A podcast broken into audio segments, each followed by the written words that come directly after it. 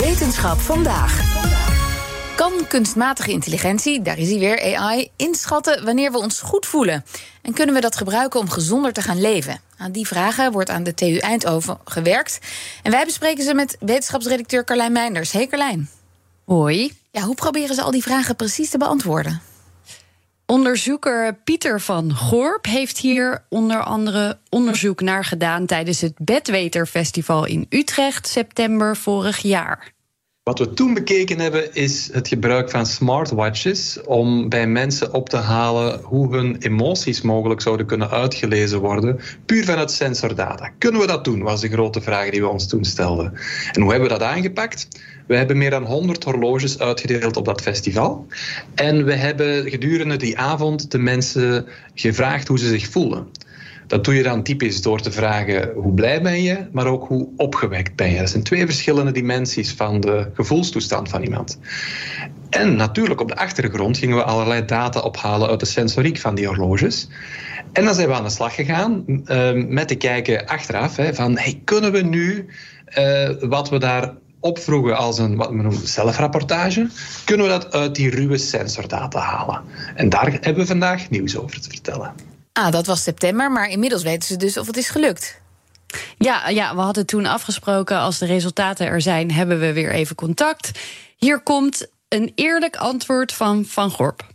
Wij waren nog niet zo heel tevreden, ik zal het zo stellen. In die zin dat uh, wanneer we het hebben over uh, betrouwbare voorspellingen, uh, die we dus via de regels van de kunst van die data science gaan kijken van wanneer iets echt betrouwbaar is in een voorspelling, eigenlijk enkel wat kunnen doen met het voorspellen van um, de volgende toestand van hoe opgewekt iemand is als wij gegevens hebben, nog steeds jammer genoeg vanuit een zelfrapportage van hoe blij iemand is.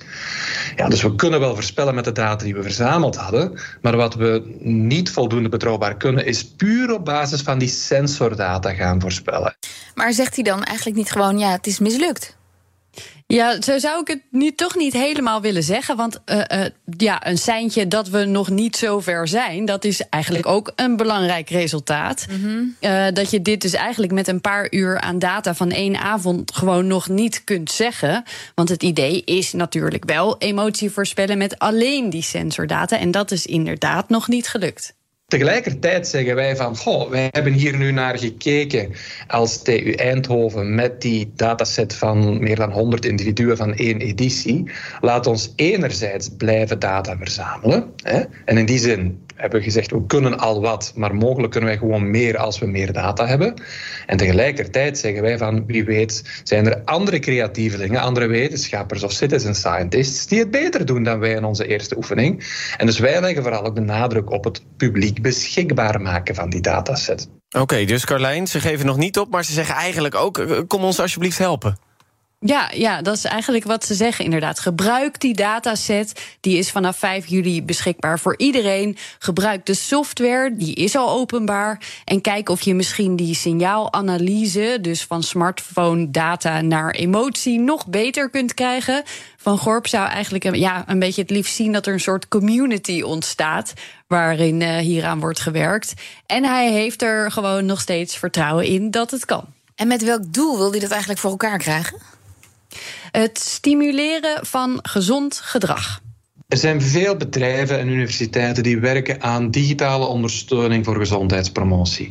En vaak wordt er ook gekeken naar manieren om op het juiste moment iemand een nudge te geven. Een kort berichtje om iemand aan te zetten tot een gezond gedrag. Goed, veel van de luisteraars zullen we wellicht nog wel herinneren dat Microsoft ook ooit met de beste bedoelingen een digitale paperclip gemaakt had, die op dezelfde manier, heel lief, heel goed bedoeld, mensen wou helpen.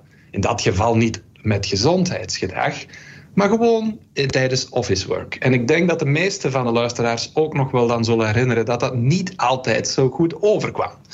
Nou goed, op dezelfde manier zijn wij als kennisinstelling aan de TU Eindhoven ook al wel een tijdje bezig met dus te proberen mensen op het juiste moment aan te zetten tot gezond gedrag. En ook wij ervaren dat dat best moeilijk is. Ja, en dat juiste moment proberen ze dan nu te voorspellen met die smartwatch-data. Ja, precies. Met als uiteindelijke doel dus mensen die het nodig hebben aansporen om gezonder te leven. En ze vooral niet lastigvallen op het moment dat ze er helemaal niet op zitten te wachten. Nou, dat is heel knap als dat ooit gaat lukken. Want soms krijg je van je op je smartwatch inderdaad al een bericht van het is tijd om te gaan staan. Het is tijd om even te bewegen. Ja, nou, soms valt dat heel goed. inderdaad. Precies, en soms helemaal niet. Dankjewel. Nee, het zou toch fijn zijn als het op het juiste moment uh, komt, dat seintje. Precies. Dankjewel, Carlijn. Business Booster. Hey ondernemer, KPN heeft nu Business Boosters. Deals die jouw bedrijf echt vooruit helpen. Zoals nu, zakelijk tv en internet, inclusief narrowcasting... de eerste 9 maanden voor maar 30 euro per maand. Beleef het EK samen met je klanten in de hoogste kwaliteit. Kijk op kpn.com businessbooster. Business Booster.